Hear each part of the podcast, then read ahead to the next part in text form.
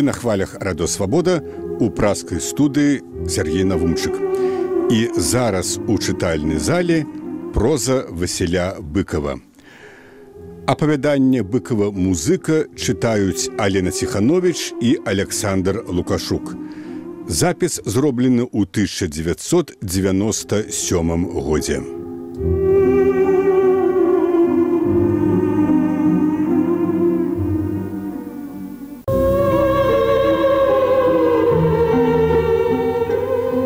Апавядання музыканту у адзіноце гатэльнага нумару недзе на ўзбярэжжы паўдзённага мора мрояцца загадкавыя гукі і таямнічыя сцэны, якія ён спрабуе спасцігнуць.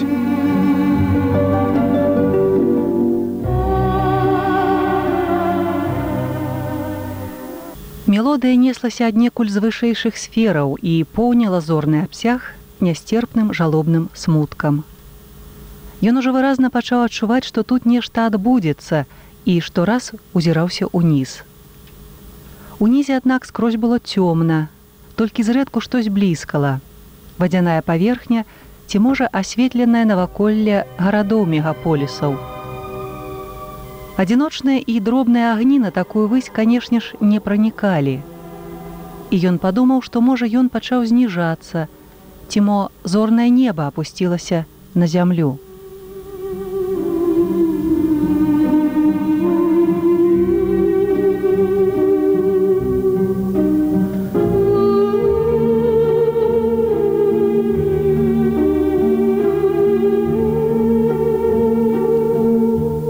Толькі чаму зямля была гэткай сурова маўклівай, Чаму яна так затаілася, бы набрыняла горам і гневам і чакае чаго. У небе ж не было ні гора, ні гневу. Зрэшты не было і радасці, гэта ён адчуваў пэўна. Як на зорным краявідзе заблішчэў коўш вялікай мядзведзіцы, сумны харал загучэў ва ўсю моц. Толькі ён усё не мог сцяміць, адкуль. Зверху, з наваколля, ці ўсё ж са змрочнай зямлі, або можа з ягонай душы.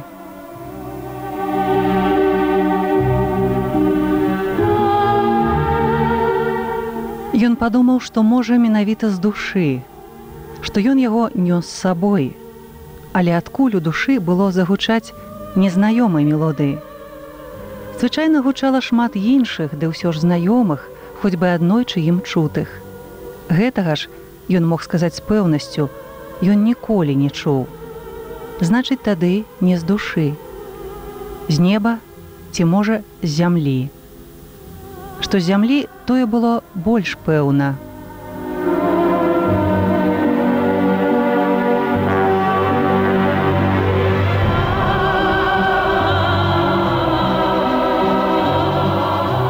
Гэтае адкрыццё змусіла яго пільней узірацца ўніз, у зямное цемрава. Зоркі перасталі цікавіць яго. Яго болей зацікавіла зямля.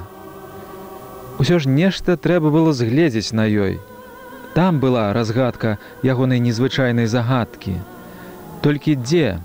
Але вось палёт яго запаволіўся, Ён луна ўжо не сярод зор, а пад імі.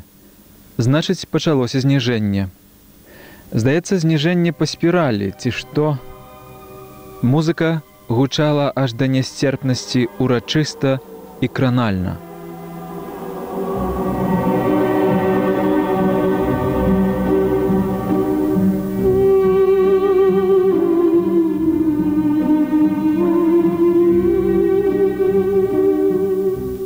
Так, там яўна штось здарылася, падобна некага хавалі, але каго?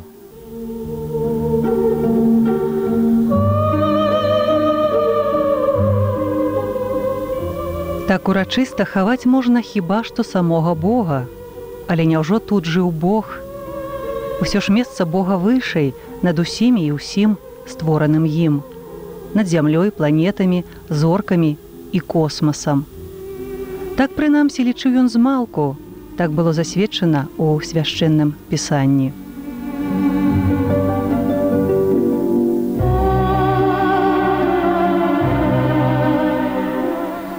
Ён ужо не апускаўся нават па спіралі.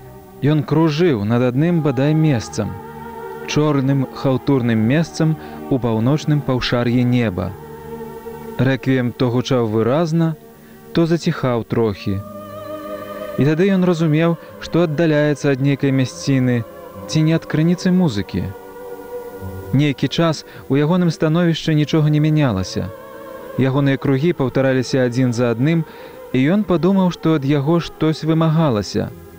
Зрабіць ці хоць бы спытаць, толькі у каго?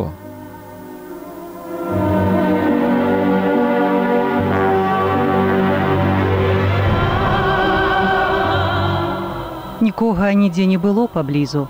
Нават і бацькаў прывід тут жа знік канчаткова.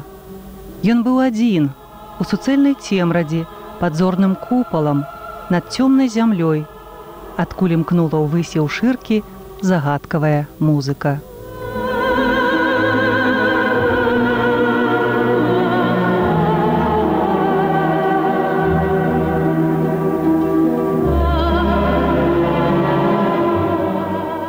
Нікога нідзе не было паблізу. Нават і бацькаў прывід тут ужо знік канчаткова.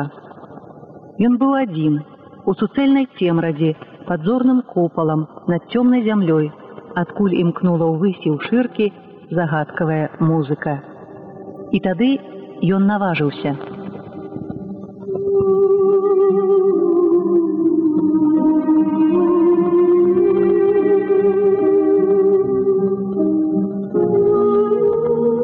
Каго хаваеце? Хрыплавата крыкнуў у цемру, я ж не пазнаў свайго голасу. Гэтак жахліва гучна прагучэў ён у касмічнай прасторы. Толькі рэзананснае рэха голасу сціхла ў гары, як зноў жа з тае прасторы пачулася. Народ хаваем.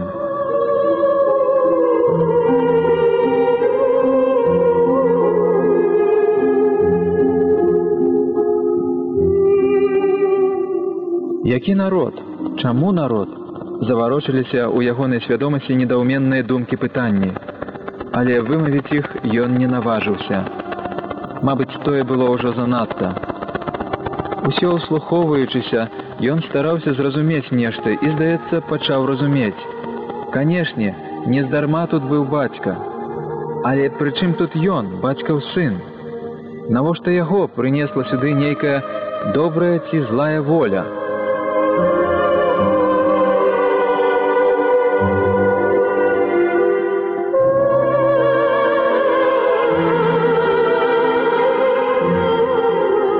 Калі боская воля і прынесла яго сюды праз космас цераз акіян не дарма, бо было ў тым нейкае наканаванне. Мо нават выбар, думаў ён, па-ранейшаму кружачы і кружачы ў недаўменні над змрочным зямным прасторам. Выпісваў у разрэджаным паветры кола за колам, а рэквіем чуў то выразна і гучна, то цішай, то аддалена.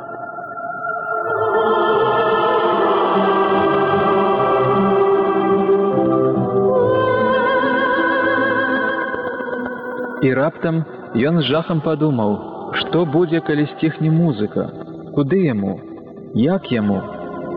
Вярнуцца назад ён не ведаў як, а ўпасці на гэтую змрочную хаўтурную зямлю было б жахліва. Падняцца ў космас, але як? Тое ўжо ад яго не залежала, ён гэта ведаў. Адчуванне катастрофы ахапіла яго і ад яго ішло, нібы трансліравалася ў наасферу. Можа, толькі ў тым і быў нейкі сэнс ягонага тут з'яўлення.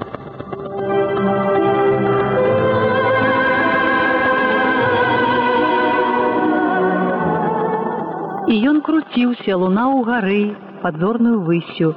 Усё не мог даўмецца, што трэба зрабіць і навошта ён тут. Дзеля чаго?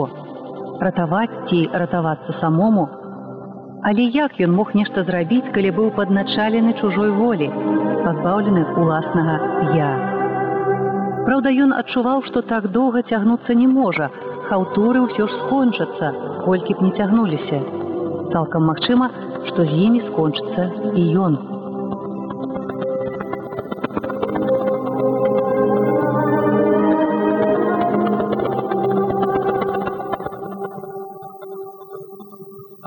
І сапраўды, музыка стала цішэць, бы аддаляцца кудысь у зямную цемраць.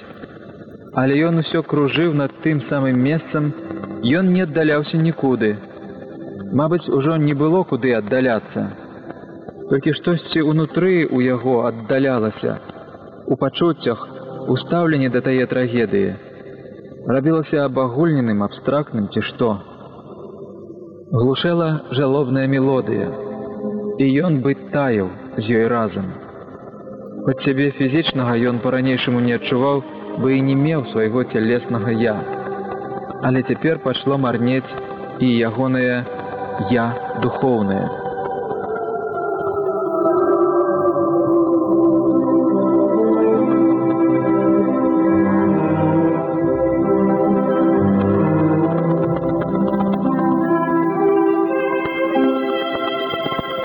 Цягнулася, мабыць, усё ж доўга, а мой коротка, ён не адчуваў часу можа гадзіну, а можа і год. І ўжо ён усвядоміў, што яго самога ў прасторы сталася да мізэрнага мала. Краёчак ягонага былога я. Усё астатняе сасмактала цемра з далёкім, як у пачатку жалобным гулам, ды зорным касмічным бляскам у гары.